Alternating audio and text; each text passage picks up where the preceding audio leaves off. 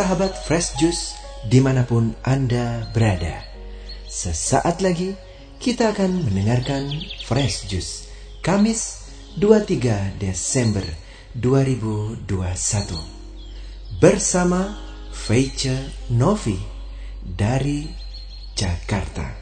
Selamat mendengarkan. Shalom, sahabat-sahabat pendengar Daily Fresh Juice yang dikasihi Tuhan di mana pun Anda berada. Berjumpa lagi dengan saya, Venture Novi, di Kelapa Gading, Jakarta Utara. Pada hari ini, Kamis tanggal 23 November 2021. Hari ini bersama-sama kita akan membaca dan mendengarkan Injil Yesus Kristus menurut Santo Lukas. Bab 1 ayat 57 sampai 66. Mari kita dengarkan bersama-sama. Kemudian genaplah bulannya bagi Elizabeth untuk bersalin dan ia pun melahirkan seorang anak laki-laki. Ketika tetangga-tetangganya serta sanak saudaranya mendengar bahwa Tuhan telah menunjukkan rahmatnya yang begitu besar kepadanya, bersuka citalah mereka bersama-sama dengan dia.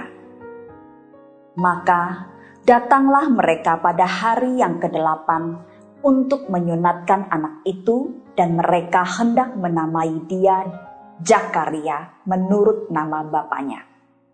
Tetapi ibunya berkata, "Jangan, ia harus dinamai Yohanes." Kata mereka kepadanya, "Tidak ada di antara sanak saudaramu yang bernama demikian." Lalu mereka memberi isyarat kepada bapaknya untuk bertanya nama apa yang hendak diberikannya kepada anaknya itu. Ia meminta batu tulis, lalu menulis kata-kata ini. Namanya adalah Yohanes. Dan mereka pun heran semuanya. Dan seketika itu juga terbukalah mulutnya dan terlepaslah lidahnya Lalu ia berkata-kata dan memuji Allah. Maka ketakutanlah semua orang yang tinggal di sekitarnya, dan segala peristiwa itu menjadi buah tutur di seluruh pegunungan Yudea. Dan semua orang yang mendengarnya merenungkannya dan berkata, "Menjadi apakah anak ini nanti?" Sebab tangan Tuhan menyertai dia. Demikianlah sabda Tuhan. Terpujilah Kristus. Sahabat-sahabat pendengar Daily Fresh Juice yang dikasihi Tuhan, senang sekali bisa berjumpa menjelang hari Natal. Kita dengar dalam Injil Yesus menurut Santo Lukas tadi dikatakan bahwa Elizabeth sudah melahirkan Yohanes Pembaptis ya. Nah, ada hal yang begitu uh, menarik dalam Injil tadi itu dikatakan bahwa ketika tetangga-tetangganya serta sanak saudaranya mendengar bahwa Tuhan telah menunjukkan rahmatnya yang begitu besar kepadanya, bersuka citalah mereka bersama-sama dengan dia. Dilukiskan bahwa tetangga dan sanak saudaranya itu ikut bersuka cita. Seharusnya memang seperti itulah kita berdiri sebagai seorang manusia yang sesungguhnya, sebagai sesama bagi sesama yang lain. Ketika ada orang yang bergembira, ketika ada yang bersuka cita, kita ikut bersuka cita bersama dengan mereka. Ketika ada yang kesulitan, kita pun berdiri di kaki mereka untuk ikut memikul penderitaan mereka dengan berbagi yang bisa kita berikan kepada mereka. Nah, di sini dikatakan bahwa tetangga dan sanak saudara Elizabeth itu ikut bersuka cita bersama dengan dia. Nah, sampai pada satu poin di mana e, hari ke-8 bayi ini harus disunat seturut hukum Taurat yang ada ya. Dan mereka harus menetapkan satu nama. Menurut si tetangga dan sanak saudaranya, bayi ini harus diberi nama Zakaria sesuai dengan tradisi diberikan nama yang sama dengan orang tuanya karena Yohanes Pembaptis dilahirkan dari Elizabeth yang suaminya adalah Zakaria, seorang imam.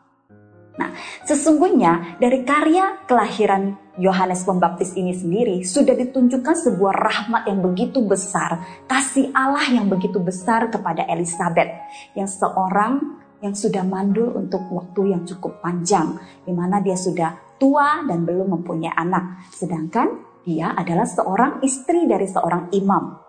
Nah, dengan dilahirkannya Yohanes Pembaptis, ini sudah menunjukkan sebuah rahmat besar cinta Allah kepada Elizabeth.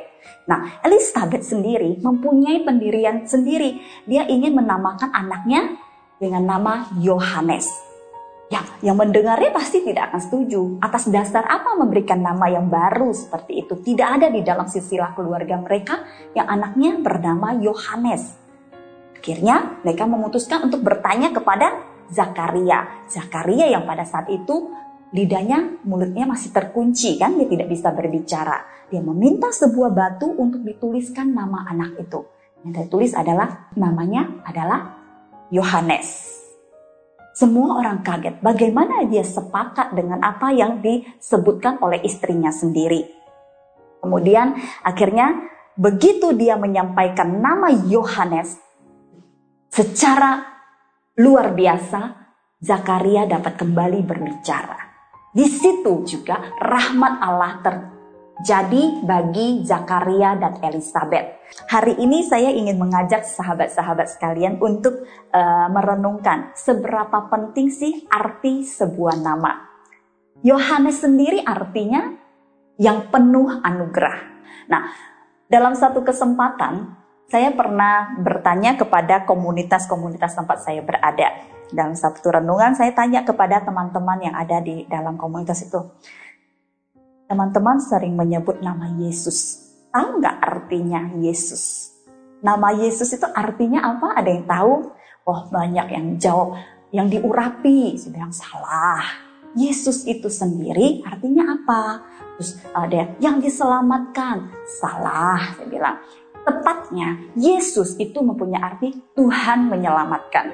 Jadi setiap kali kita menyebut nama Yesus, Yesus, Yesus, dengan iman kita percaya bahwa Tuhan akan menyelamatkan kita. Karena Yesus sendiri adalah sebuah nama yang mempunyai kuasa yang begitu luar biasa.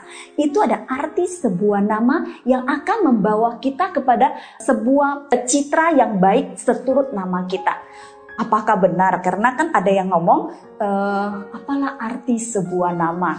Wih, apalah arti sebuah nama? Menurut saya nama itu sangat penting. Seperti saya pribadi ya, sahabat-sahabat pendengar Daily Fresh Juice, dulu nama saya itu bukan Feize Novi.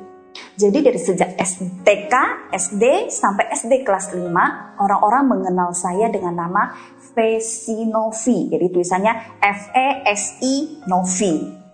Sampai kelas 6, satu ketika di mana guru-guru itu meminta murid-muridnya untuk minta akte lahir sama orang tuanya untuk mengecek keabsahan nama masing-masing yang akan tertulis di ijazah kelulusan SD. Saat itu saya juga minta sama mama saya. Saya begitu kaget ternyata nama saya bukan Fesi Novi, nama saya Faithful Novi. Oh, saya kaget. Akhirnya saya bawa ke guru dan saya bersyukur ijazah saya tidak ada kesalahan penulisan nama. Hal itu menjadi kebingungan membawa saya untuk waktu yang cukup panjang. Kenapa nama saya bisa jadi Vesi dulu ya? Oke, dengan perkembangan uh, waktu dan saya semakin bertumbuh dewasa, saya juga pengen tahu sebenarnya arti dari nama saya itu apa gitu. Akhirnya saya tanya sama papa saya, sebenarnya nama arti saya Feize Novi itu apa? Karena saya cari di Google atau cari di media sosial, nggak ada yang namanya Feize.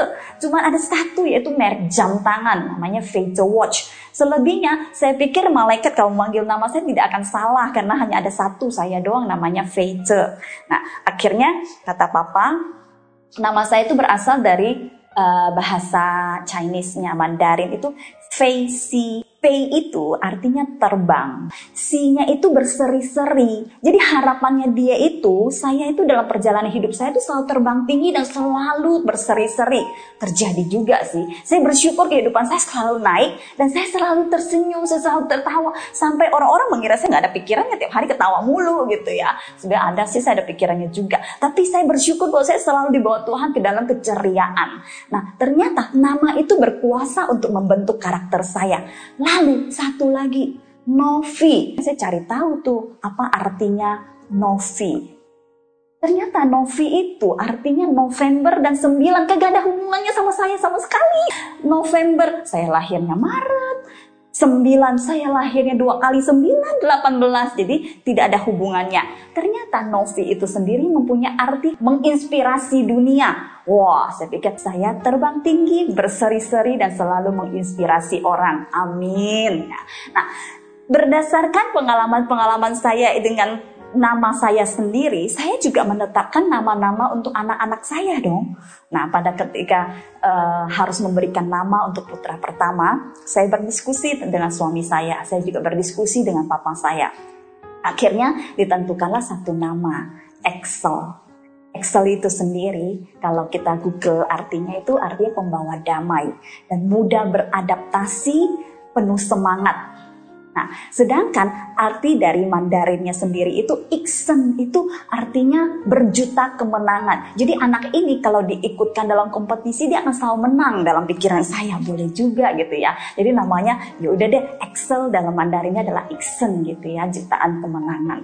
Nah, saya meyakini bahwa setiap kali saya memanggil anak ini, setiap ucapan kita ini kan doa ya. Jadi kalau kita memberikan nama kepada seseorang itu baik, itu kan seperti doa yang selalu kita ucapkan. Sama juga dengan putra yang kedua. Anak saya yang kedua saya beri nama Audric. Audric itu artinya mulia, penguasa yang bijaksana. Dan dia juga adalah teman yang baik. Alhasil, kalau diomelin dia akan diam aja. Ditegur gurunya dia diam aja. Kita kenapa kamu diam aja? Jangan dijawab. Kalau orang lagi marah, kita jawab nanti jadi panjang, dia akan tambah marah. Kalau kita diam aja nanti akan berlalu. Bijaksana sekali dia dari kecil saya pikir ya. Dan dia juga rambutnya sudah beruban, itu anak saya yang kedua. Jadi saya merasa bahwa setiap kali kita diberikan nama, atau kita memberikan nama kepada anak-anak kita, pakailah nama itu dengan penuh iman. Contohnya, ketika saya memanggil Excel, Excel itu bagian dari doa saya bahwa anak ini akan tumbuh menjadi seorang pembawa damai. Dia akan menjadi kemenangan dalam setiap langkah-langkah kehidupan dia. Audrey, dia akan bertumbuh jadi anak yang bijaksana. Dia akan menjadi anak yang selalu uh, mulia dan menjadi teman yang baik bagi sesamanya. Nah, itu menjadi doa. Saya sangat menyesalkan ketika ada orang-orang yang memanggil nama anaknya dengan panggilan-panggilan yang aneh-aneh. Itu menjadi doa dari seorang ibu. Anda sudah memberikan nama yang begitu berkuasa bagi anakmu, tapi diganti dengan nama yang tidak baik. Nah, pernah ada seorang teman yang berbagi cerita dengan saya, sebenarnya anak-anak kita tuh jangan dipanggil dede, koko, abang, atau apa gitu. Kenapa? Karena mereka punya nama masing-masing. Kalau dia dipanggil dedek, selamanya dia akan menjadi adik dan tidak menjadi kakak dia bilang gitu. Dia akan tetap merasa diri dia kecil dan tidak merasa diri dia besar ya pikir apakah seperti itu? Apakah uh, panggilan saja sebuah uh, mempunyai sebuah kuasa yang begitu besar? Tapi melihat dari Injil kita hari ini, saya percaya bahwa nama mempunyai kuasa untuk memberkati setiap pribadi lepas pribadi. Sehingga setiap orang yang dilahirkan itu sudah ditetapkan dengan namanya. Kenapa? Karena Allah sudah membentuk kita, menenun kita dari kita masih di dalam rahim ibu kita. Amin. Jadi mari kita bersyukur dengan nama panggilan kita masing-masing. Panggillah saya dengan Faith atau Faisi karena saya akan selalu terbang dan berseri-seri menghibur siapa pun juga yang berjumpa dengan saya. Apa pun yang kita alami kita selalu membawa itu dalam sukacita. Mari uh, sahabat-sahabat pendengar Daily Fresh Juice yang dikasihi Tuhan, kita belajar untuk menghargai nama orang yang sudah ditetapkan oleh orang tua mereka masing-masing. Jangan suka memanggil dengan sebutan-sebutan yang tidak sopan atau yang menurut kita lucu, tapi buat orang itu belum tentu lucu loh. Ya, jadi menghormati orang dari namanya saja itu sudah menjadi sebuah rahmat besar bagi orang itu. Mari kita belajar menjadi pribadi-pribadi yang selalu bersuka cita dan saya sebelum menutup renungan hari ini ada satu cerita. Ini hanya lelucon ya, jadi tidak uh, berhubungan secara serius dengan firman Tuhan. Bapak Ibu, teman-teman, saya senang sekali menemani suami saya nonton bola karena kesukaan dia nonton bola dan dia suka sekali dengan Liverpool.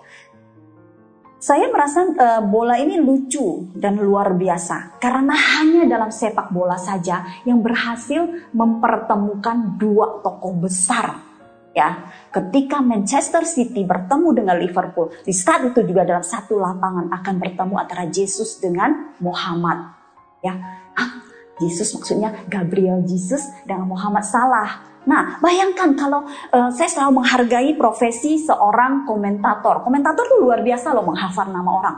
Wah, ini si ini berpindah kakinya ke sini, bola dia akan berpindah ke sana, berpindah. Dia menghafal setiap nama-nama orang itu. Dan ketika si Yesus sedang membawa bola. Ya, bola berhasil dikuasai oleh Yesus. Ya, ya dia berlari mendekati gawang dan akhirnya ah bolanya lepas dan ter, diambil oleh pihak lawan dan mereka meraih kemenangan. Mengapa pihak lawan meraih kemenangan? Karena Yesus melepaskan sukacita itu dan ia mengorbankan dirinya demi keselamatan dan kemenangan orang lain. Tuhan Yesus memberkati. Sampai jumpa. Selamat hari Natal. Selamat menyambut hari sukacita. Sampai jumpa lagi tahun yang akan datang. Sehat selalu. Tuhan Yesus menyertai dan menyelamatkan kita semua. Amin. Sahabat Fresh Juice, kita baru saja mendengarkan Fresh Juice Kamis 23 Desember 2021. Terima kasih kepada Feice Novi untuk renungannya pada hari ini. Sampai berjumpa kembali dalam Fresh Juice edisi selanjutnya. Jaga kesehatan dan salam Fresh. Juice.